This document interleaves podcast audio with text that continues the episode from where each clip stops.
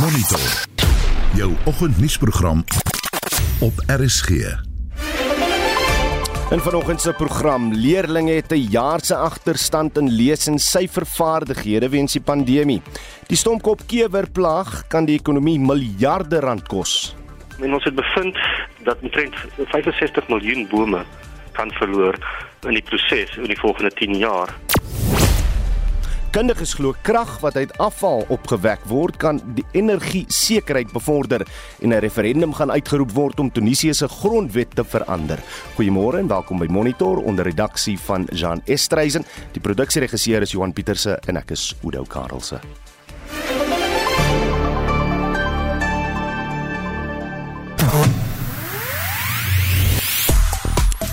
Kundiges glo dat rommelstrooiery beperk kan word indien eh, rommel waarde kry, amper soos 'n leë bier of koeldrankbottel wat ingegee kan word vir kontant. Glo jy dit sal die geval wees of deel met ons hoe jy jou afval herwin of weer gebruik? Ek herwin nie self nie. Ek los dit aan die mannetjies wat uh, by jou huis rondkom met uh, hy tuisgemaakte waantjies uh, sodat hulle 'n uh, geldjie kan maak. Maar wat is jou storie? Vertel ons vanoggend in ons brandpunt vraag. Stuur vir ons 'n SMS na 45889. Dit kos jou R1.50 per boodskap. Jy kan ook uh, op, op ons Monitoring Spectrum Facebook bladsy saampraat, as ook op die Messenger toepassing vir ons 'n stemnota stuur of stuur 'n stemnota na WhatsApp uh, op die nommer 0765366961.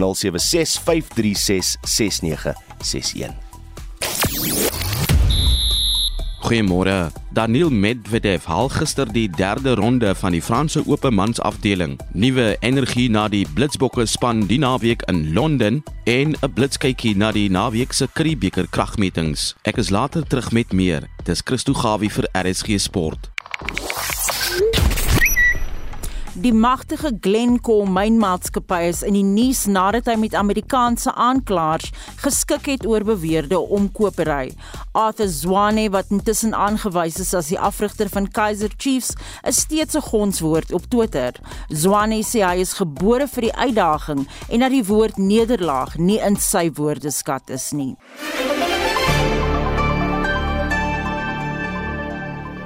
11 minute oor 6. Politieke partye in die nasionale vergadering het betreur dat korrupsie die oorsaak is dat die vlakke van ongelykheid verdiep. 'n Debat oor nasiebou en maatskaplike samehorigheid is gister gehou. Die mosie dat dit gedebatteer word, is deur die PAC ingedien. Zelin Merrington berig. Die PAC-leier Mzwanele Nyonso sê daar is groeiende onverdraagsaamheid in die land. Casual racism is coming up from time to time and in the institutions of higher learning. This is intolerance of people of darker skin in the high schools. It is pure racism, once again, raising its ugly head. The state president referred to tribalism as the cause and effect of July 2021 unrest in Gauteng, KZN. Afrophobia has come back to express itself in new cases. Vigilantes are doing as they want because the offices of peace and government officials are out to take bribes. ANC LP Tselitsi Munyai vra alle Suid-Afrikaners om nasionale simbole te aanvaar. Where the forces opposed to progressive change, such as the AfriForum, who want to bring the old apartheid flag in the midst of a progressive government, that should be fought side by side. LP soos Philip van Staden van die Vryheidsfront Plus, Mkhuleko Hlengwa van die IFP en Nazli Sharif van die DA het korrupsie in die land betreur en sê dit lei tot meer ongelykheid. Yes, we want to build South Africa and not destroying it.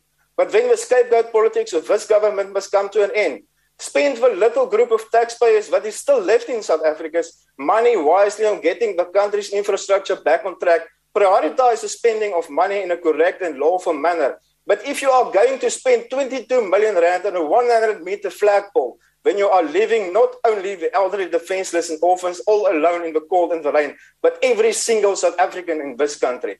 It is time to get rid of racial driven and new apartheid policies and laws and get the economy back on track. Chairperson, it is for obvious reasons that the construction of a gigantic flag the Department of Sports, Arts and Culture was never going to sit well with the public. Beyond its sheer scale, and despite its grand ambitions of uniting all of us behind our flag, South Africans across the board rightfully protested this costly cosmetic monument because the daily lived reality of our people is joblessness, growing inequality, and poverty.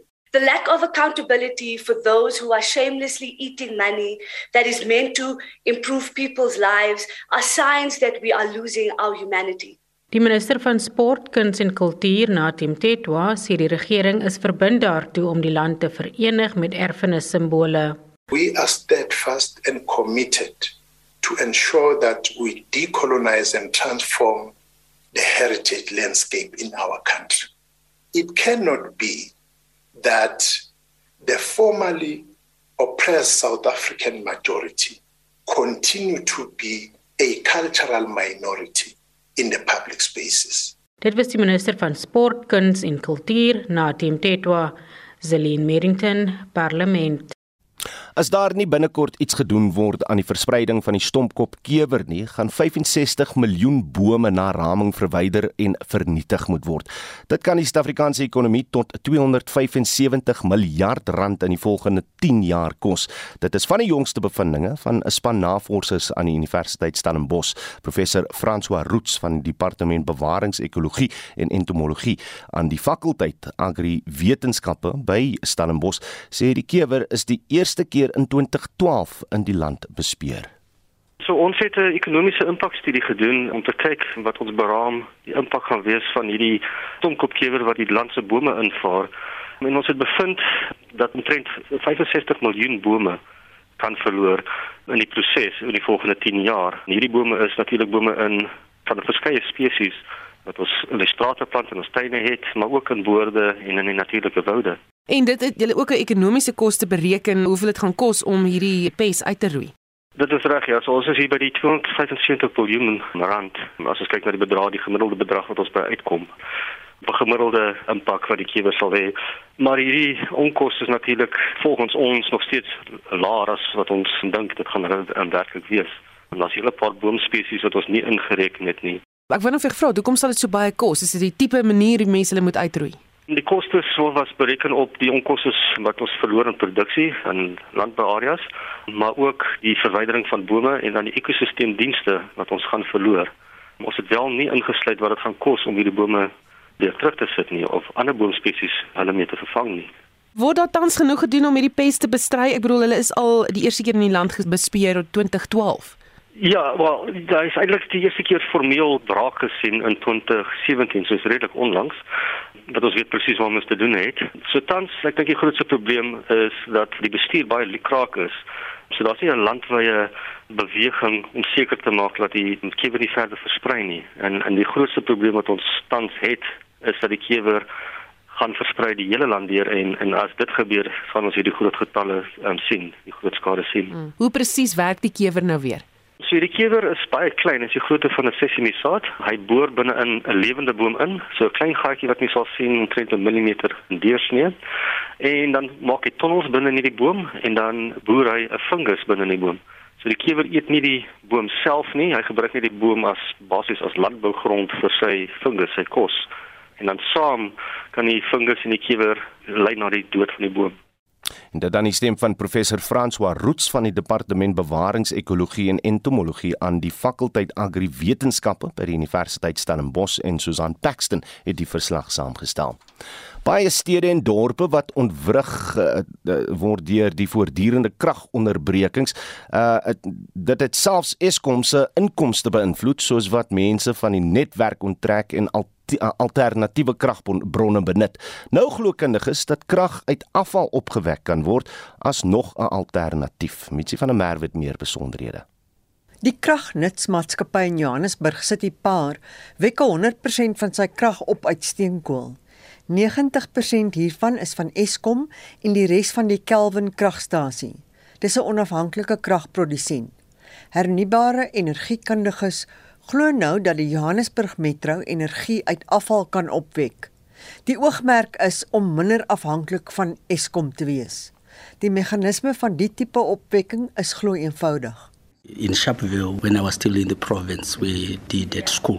Komoto was one of them. The other one was Emmanuel. You take your waste, you put it in a plastic container that has been built around. You put bacteria that eats the waste itself, and when they are eating, they produce methane, which is what you call biogas. So they produce methane, and that gas we channeled it to the kitchen of the school, where they would then use it.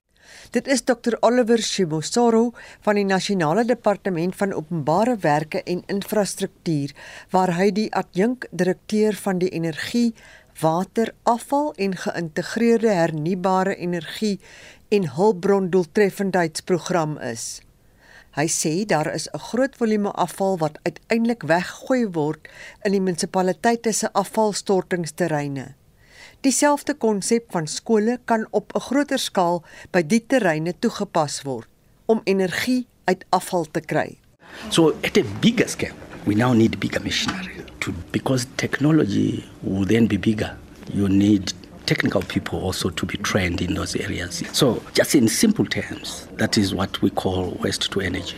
And then, how much power can this produce? Oh, I'll give you typical ones. There is one at Brongosport where they are using cattle waste. The plant is 4.5 megawatts installed capacity, but it's producing 3 megawatts.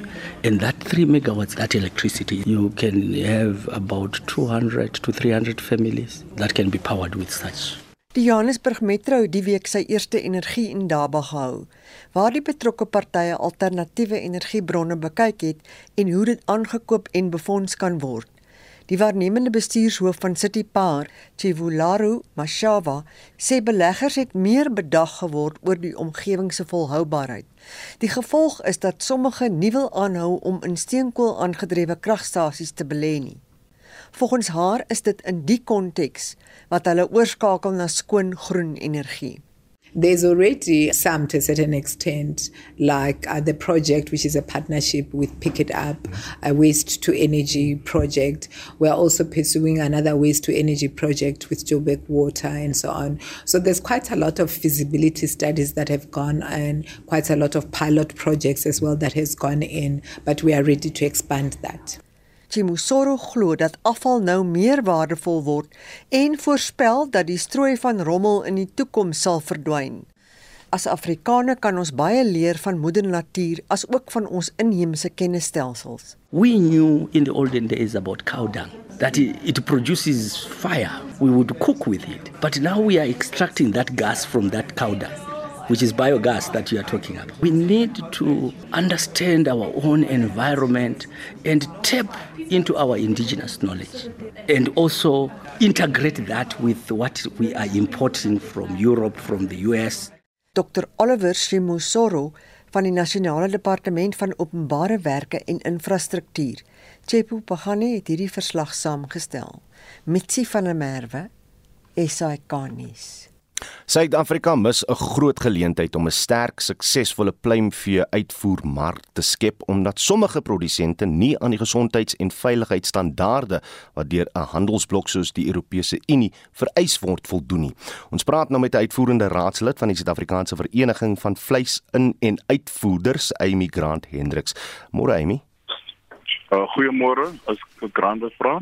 Grant, uh, dan was 'n meesterplan wat deur die verskillende partye in die bedryf geskep is in 2019. Wat het dit bepaal? Uh, wat dit bepaal, een van die groot dinge was om werkgeleenthede te ver, vermeerder en wa, hoe dit sou vermeerder uh, werkgeleenthede vermeerder sou word was om uh, jou wat die internasionale praktyk op hoender op op, op, op hoenderhandel uh is waar waar waar produsente oorsee die karkas verdeel in porsies en die porsies uitvoer na na lande toe waar hulle die beste prys kry.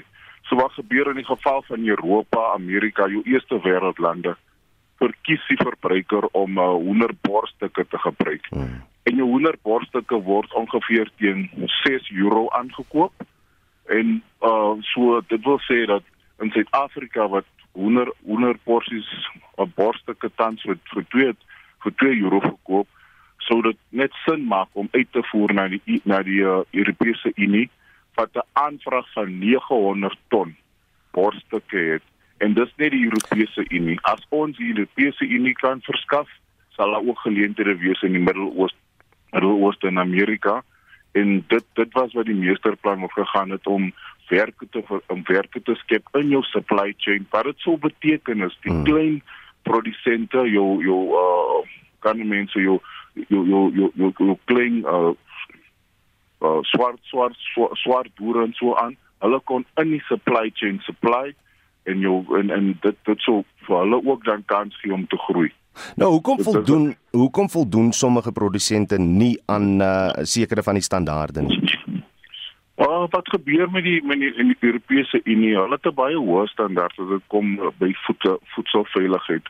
Vir argumente onthou, ons gebruik uh, uh hoendervoer, uh, ons gebruik die, die hoendervoer wat ons gebruik het uh, het het uh, animal hormones in en uh, ons ons gebruik ook jou jou priming proses aan water en 'n tipe van 'n soutoplossing in die hoenderspuit en hulle hulle hulle wil graag nie hê dat sulke tipe uh uh sulke tipe praktyke gebruik word uh, in in in in die hoender in die groei van hoender. Hmm. So dit beteken dat dat dit hulle hulle verkies om 'n uh, meer gesonde tipe hoenderporsie aan hulle aan hulle verbruiker te verskaf en ongelukkig op dit dit SAPA op die oomblik prosesse is nie so effektief nie alhoewel hulle beste doen om die lo, die lokale mark te verskaf uh, dink ek uh, hulle mis 'n groot geleentheid. En maar, ons as Amy het al reeds het al reeds van van vennootskappe met oorseese uh, markte en ons kan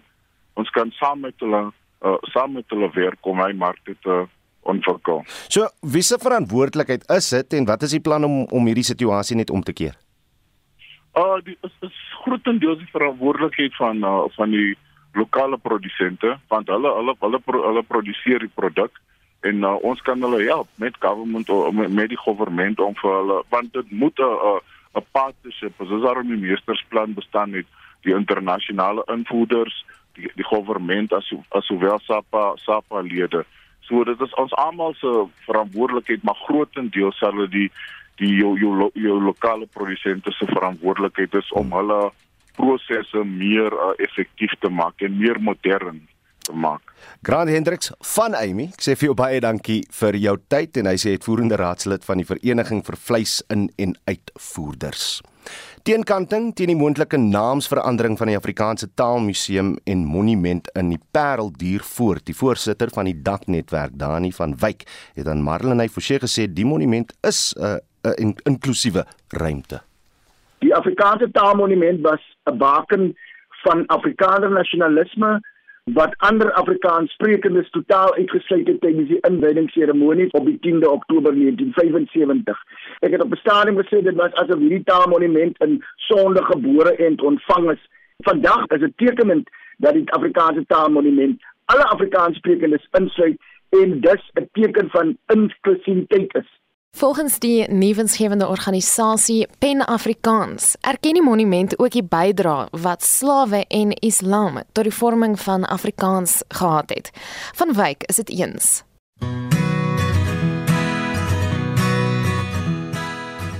Die eerste boek in Afrikaans was geskryf deur 'n Arabiese imam aan die Kaap destyds. Dit was foneties in Afrikaans geskryf sodat die slawe kon verstaan wat Islam alles beteken en inhou. Afrikaans is 'n bevrydingstaal. Afrikaans is 'n taal wat deur alle Afrikaanssprekendes omarm en gevier word. Die minister moet daarvan kennis neem. Hierdie monument is 'n monument wat alle Afrikaanssprekendes insluit. Intussen gaan verskeie musikante môre by die Afrikaanse Taalmonument optree ter ondersteuning van die behoud van die naam. Die sanger Herman Kleinhans sê dit help reël. Ek moet bieg dit was 'n skrikkelike kort kennisgewing, maar dit was seker een van die maklikste goed wat ek nog ooit moes gereël het. Almal het dadelik ingestem en was dadelik bereid om te kom help. Met hierdie geleentheid staan almal bankvas af vir mekaar.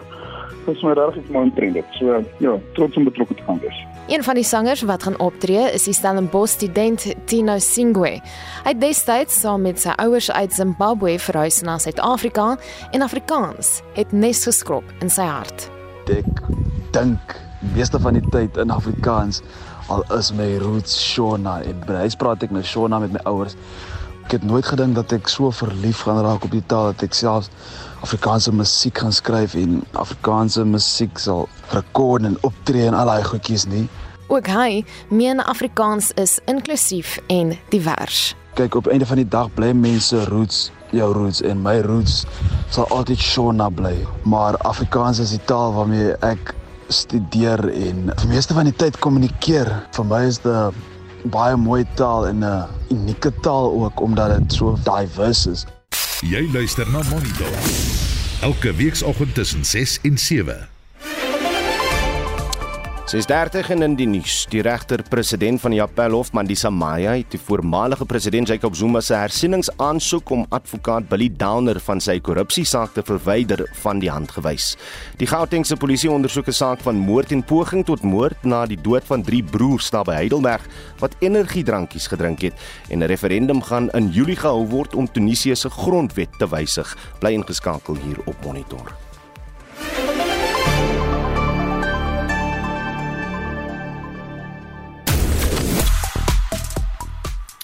Ons wou vanoggend by jou weet of rommelstrooiery beperk sal word indien 'n geldwaarde daaraan gekoppel word. En wat doen jy met jou rommel?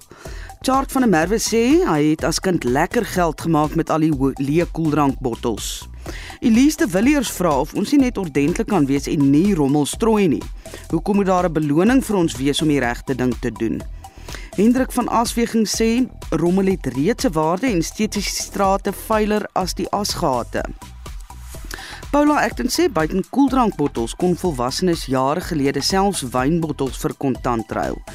En volgens Heinrich Miller is Suid-Afrika al klaar een van die voorste lande wanneer dit by die herwinning van blikkies kom. Hy sê dis grootendeels weens die hoë werkloosheidssyfer. Stuur vir ons 'n SMS na 45889 en dit sal jou R1.50 per boodskap kos.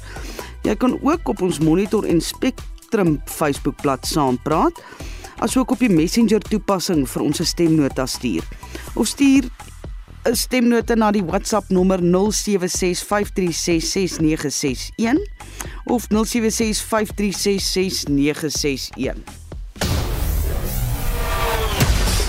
Regtyd vir die jongste sportnuus met Christo Gawie. Môre Christo, uh, wat is die jongste by die Franse Ope? Uh Oudo, goeiemôre, goeiemôre Suid-Afrika. By die Franse Ope Medvedev se sege van 6-3, 6-4 en 6-3 oor Laszlo Djere was maar sy derde wedstryd op klei gewees. Dis ook nie sy gunsteling speel oppervlak nie. Medvedev het op dieselfde Roland Garros verlede jaar tot die kwart eindronde gevorder. Nog 'n ster weer, Miomir Kecmanovic wag nou in die derde ronde op Medvedev. Die eerste gekeerde Novak Djokovic van Servië is vandag in aksie teen Aljaž Bedin van Slovenië. Die Spaanse sterre Rafael Nadal en Carlos Alcaraz speel ook vandag onderskeidelik teen Nederland se Botic van de Zandschulp en Sebastian Korda van Amerika. Suid-Afrika se Ryan Klaasen en sy Nederlandse dubbelsmaat Robin Haas is in die tweede ronde deur die tweede gekeerdes Mike Pavic en Nikola Mektic van Kroasie met 6-7, 6-4 en 2-6 uitgeskakel. Hey Blitsbokke is in Londen hierdie naweek en ek sien hulle het so 'n bietjie nuwe energie. Absoluut, Saka uh of liewer Sako, Makata, Angelo Davids en Jordan Hendricks, hulle het uh, by die Blitsbokke aangesluit. Hulle is die drie veranderinge wat aangebring is. Hulle vervang natuurlik die beseerde JC Pretorius, Tian Pretorius en ook Dalvin Blad. Die Blitsbokke, hulle kom môre oggend net voor 11 teen Australië te staan. Later môre middag 20 oor 2 spook die Blitsbokke sake teen Ierland uit. Hulle laaste kragmeting vir môre middag is om 10 oor 5 teen Kenia. En kom ons kyk net na die naweek se uh, groot rugby op tuisbode. Absoluut op Loftus uh, Versveld uh, vanaand om 7 uur dan pak die Bulle die Pumas dit uh, in natuurlik in Pretoria. Die Griquas hulle kom môre middag om 0:30 is Griquas teen die Cheetahs in Kimberley te staan. Daarna sien ons die Leeu's wie desperaat is om te wen teen die WP in Johannesburg om 5:00 en dit dan Christo Gawie van RSG Sport Die president van Tunesië, Kais Saied, het 'n dekreet uitgereik om 'n referendum uit te roep op 25 Julie vir 'n nuwe grondwet. Saied het dit amptelik in die staatskoerant gepubliseer. Ons praat nou met 'n politieke ekonoom by Oxford Economics Africa, François Conradi. Môre François. Môre, Ure. Hoekom wil die president die grondwet verander?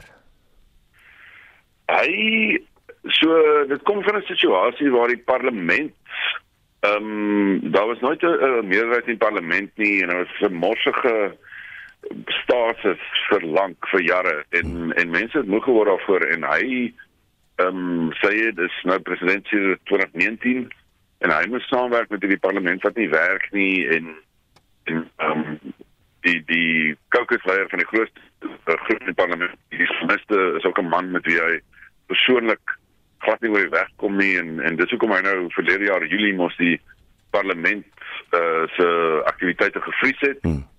In September toe toe sê hom maar dit gaan nou so bly en, en hy regeer ehm um, deur middel van seker dekrete heeltyd en hy wil nou 'n plek 'n staat op 'n plek sit waar dit 'n sterk presidensiële stelsel is van die parlement nie eintlik baie mag het. Hmm. Dis die plan. Die die ironie uh, seker is dat sy te lank gerespekteerde loopbaan het as 'n voorstander van grondwetlikheid, maar sedert burgers teen swak dienslewering in Julie verlede jaar optogte begin hou het, uh, is hy die een wat hom elke draai Tunesiese grondwet skend. Dis reg, so sy wel daai die die die stap wat hy geneem het verlede Julie is eintlik daar is groot grondwetlike voorsiening vir die stap, jy weet, hmm. Ehm um, hy het op 'n ongrondwetlike manier gedoen. Hy moes uh, die parlement se uh, toestemming af voor gekry en, en hy het natuurlik nie van die parlement dit gefris het. Ja, so dit is ironies uh, en en ehm um, alles wat hy doen jy weet hoe langer hy vat op die ding, ehm um, hoe, hoe meer steun verloor hy. Mm. Die die hoofopposisie politieke partye sê hulle gaan die eensydige stap boikot. Hoekom beskou hulle dit as as as eensydig? Wel, toe almal het begin vra nou nou wat doen ons nou volgende hoe hoe beweeg ons nou aan op hierdie dan toe toe kom maar nou van sy eerste kant af sprake van 'n dialoog. Ehm um, in in die partye toe nou gewag dat hulle nou genooi word om om deel te wees hiervan. Maar toe verlede week Vrydag toe sê sy het nee nee dat die partye geen politieke party gaan deel wees van hierdie dialoog nie. Dit gaan net ehm um, regsgeleerdes wees die menseregte liga gaan nou weer die die vakbonde uh, die maatskappye en die die so sê die die handelskamer en en dis al. Die partye nie. En toe sonderdag toe sê die die grootste vakbonde weer kan so werk en en dit is amper die die grootste slag vir hom gewees. Het die vakbonde sê nee nee nie net ons gaan nie deel wees van jou ding nie maar ons gaan ook 'n staking roep. Ehm um, so dit gaan nou een van die dae gebeur. En toe ook vroeër die week toe sê van die die regsgeleerdes by die universiteite wat ek nooit vir sy dialoog sê toe ook nee ons wil nie deel wees van hierdie die um, ding wat vir die partye uitsluit. Fran Frans wat dink sy het werklik dat hy voor die uh, 25ste Julie 'n nuwe grondwet geskryf kan hê en dat mense genoeg sal weet daaroor om te kan stem op die een vraag in die referendum wat vra stem jy saam met die nuwe grondwet?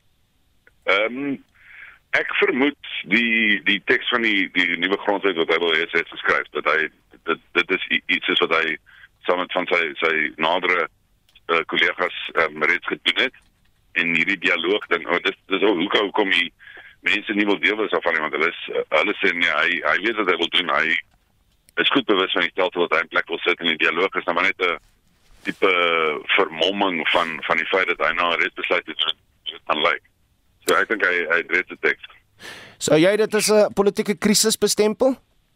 Ja, is 'n politieke krisis. Ehm um, so ons sien nou af op die vakbonde wat 'n groot staking roep. Uh, hulle hulle praat van 'n staking in die openbare sektor en die in die uh, publieke maatskappye.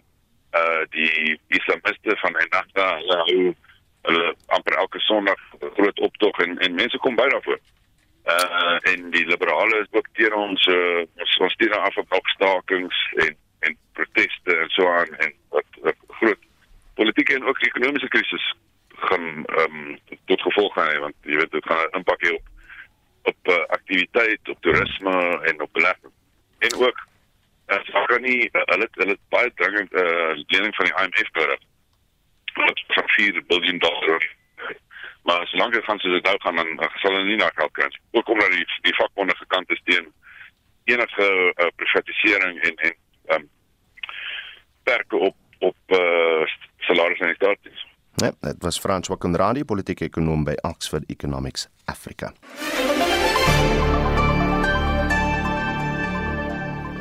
Navorsing deur die Departement van Basiese Onderwys en ander kundiges toon dat leerders in openbare skole 'n jaar agter is met hul lees- en leervaardighede weens die COVID-19 pandemie.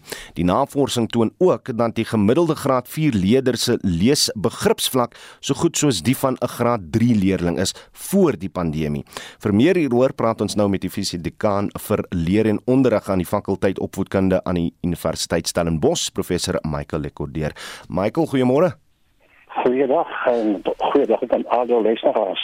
Die die organisasie UNICEF se verteenwoordigers in Afrika het reeds verlede jaar, verlede Julie gewaarsku dat ons kinders 'n jaar agter in hul lees- en syfervaardighede is. Wat het dan sedertdien gebeur?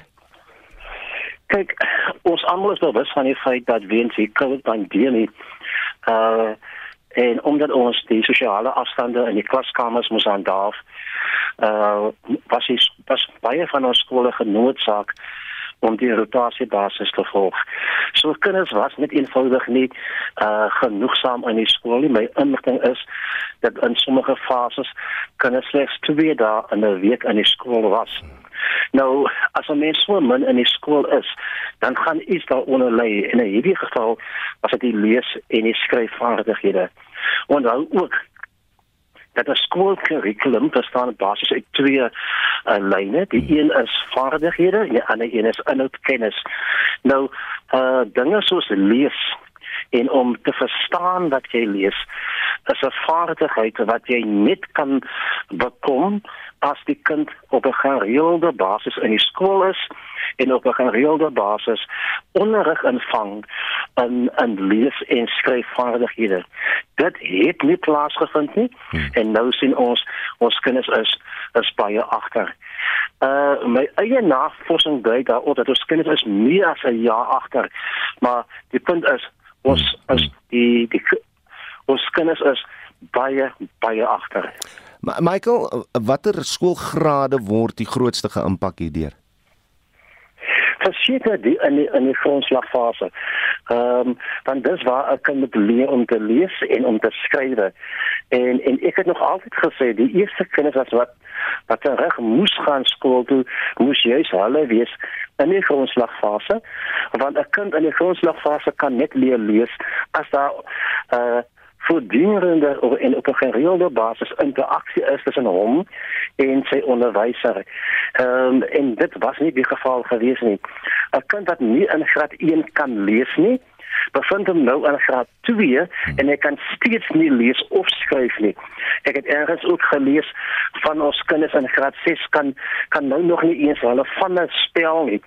Uh so die impak op op op die baie klein kinders in die grondslagfase is geweldig en en dit hou niks goeds in vir toekomstige onderwys in Suid-Afrika nie. Nou nou watter hoop is daar dat die situasie omgekeer kan word want die departement het opvangsprogramme oor die afgelope 2 jaar reeds ingestel of nie? Ja, en hierdie opvangsprogramme doen goeie werk en en ek is seker dit gaan 'n verskil maak.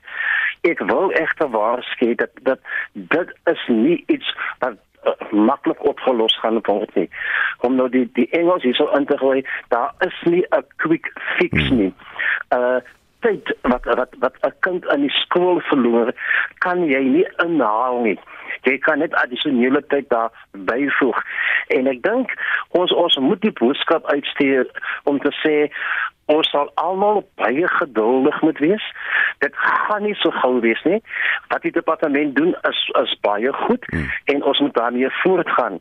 Maar elke een wat 'n kind in die skool het, sal sy of haar deel moet doen uh nou meer as ooit tevore moet ouers saans vir hulle kinders lees.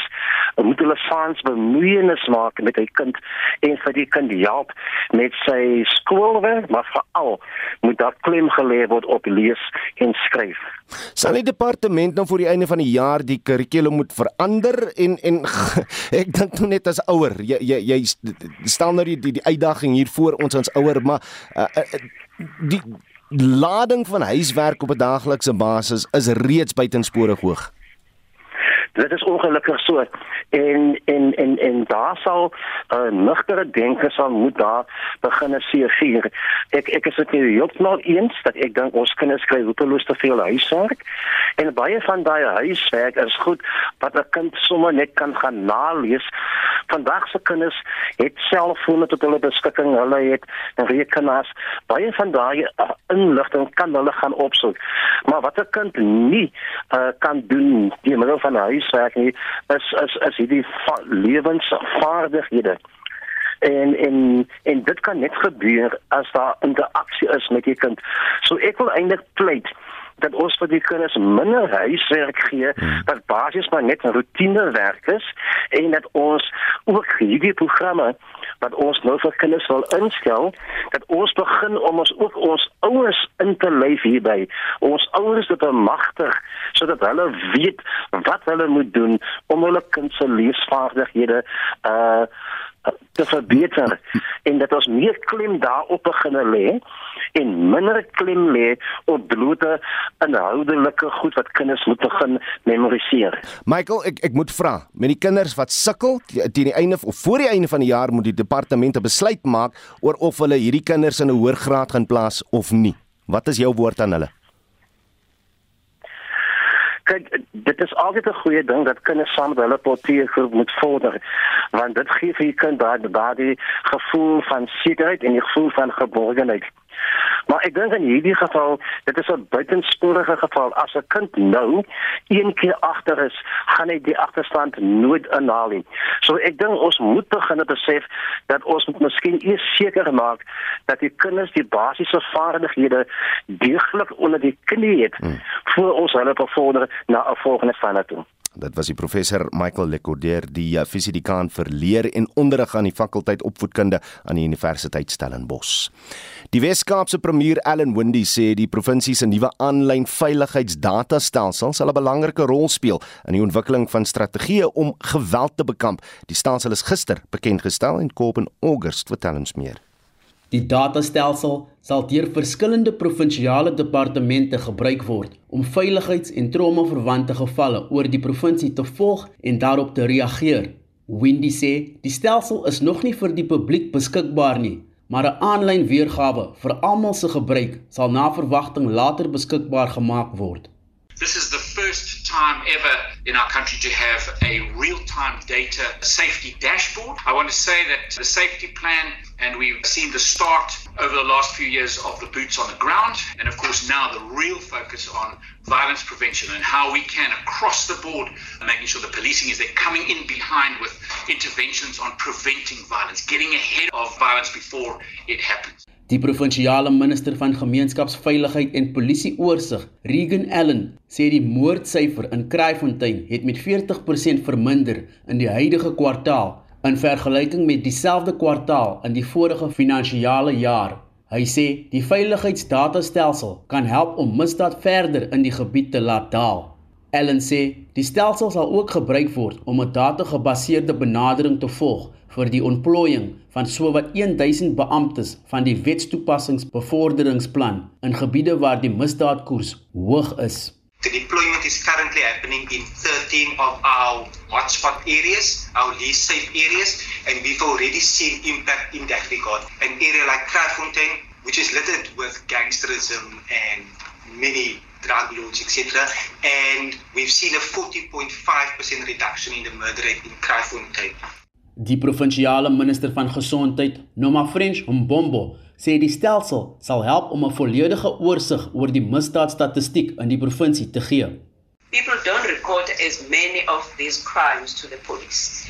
People will come to us maybe on a Friday, has been beaten up, and then once you put the gauze and the bandage and what the person goes back home, it doesn't report. So the report that you receive from the police is just half on, it's just part of it. With collecting this kind of information, it makes it for us to complement the work of all the safety. Data van die gesondheidsdepartement se stelsels sal gebruik word om die aanlyn veiligheidsdatastelsel daagliks op te dateer. Ek is Kob in August in Kaapstad. Nati se vlagpaal haal nie die paal nie, het 'n opskrif in 'n dagblad van dese week gelei. Minister Nati Mtetwa se plan vir die tweede hoogste vlagpaal in die wêreld het uit verskeie oorde teenstand gekry. Derhalwe praat Dr Willem Botha van die Woordeboek van die Afrikaanse taal vanoggend oor paaluitdrukkings met paal en wrimmel. Willem, goeiemôre. Uh, goeiemôre Oudo. Ons weet dat die gevraagde vlagpaal van 120 meter se doel nasiebou was, maar dit het in die media tot heelwat woordspelings aanleiding gegee. Wil jy vanoggend bietjie hierop uh, voortbou? Ja, Oudo. Ehm uh, die oppositiepartye en burgerlike organisasies het baie skerp gereageer op hierdie vlagpaal projek van 22 miljoen rand en besluit om paal en perk te stel. Oorgesit synde Hulle het besluit om 'n stokkie voor die paal te steek. en hierdie stokkie het die magtige paal gestuit. Maar dalk nie tydelik, want die president het gesê dat dit dalk nie nou die tyd is vir so 'n duur paal nie. Dis duidelik dat die nasie wat natie met die paal wou bou, die einste nasie die minister se paal gelig het.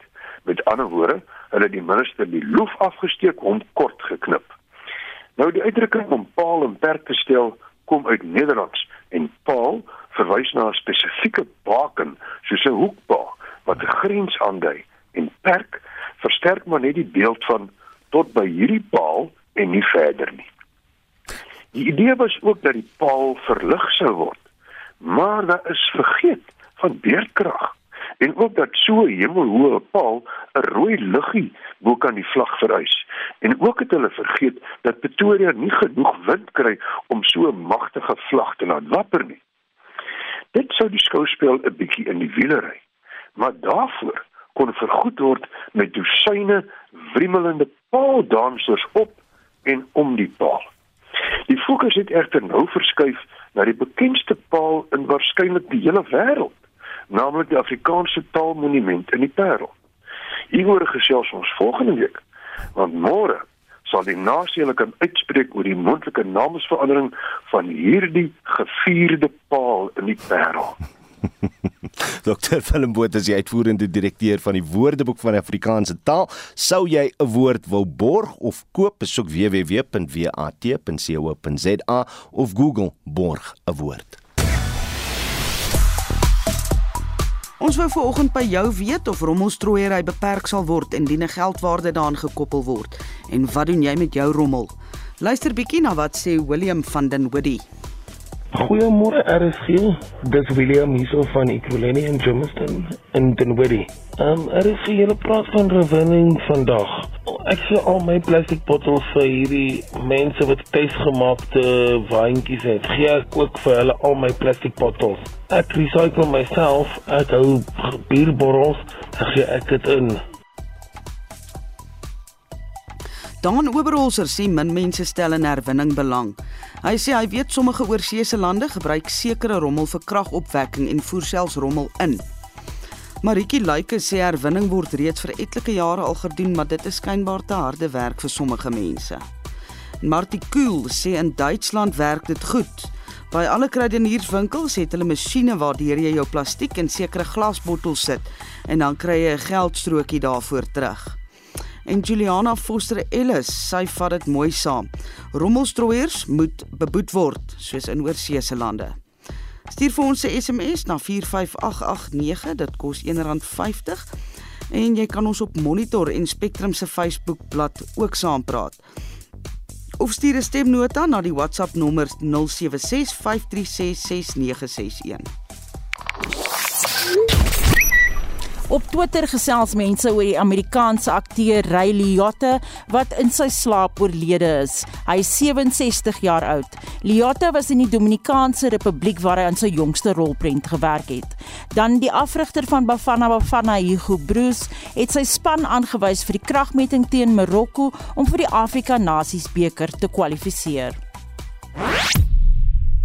Onthou om te skakel vir ons ander nuusaktualiteitsprogramme Spectrum tussen 12 en 1 vanmiddag as ook brandpunt omstreeks kwart voor 6. Ons groet namens ons uitvoerende regisseur Nicoline de Weer, die redakteur vanoggend was Jean Estreisen, produksieregisseur Johan Pieterse en ek is Udo Karel. Se geniet jou dag in die geselskap van RSG.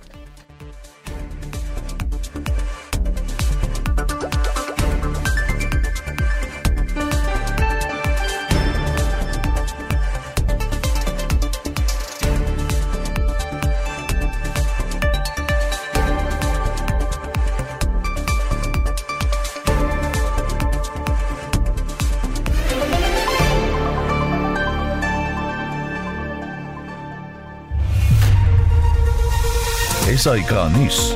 Onafhanklik, onpartydig.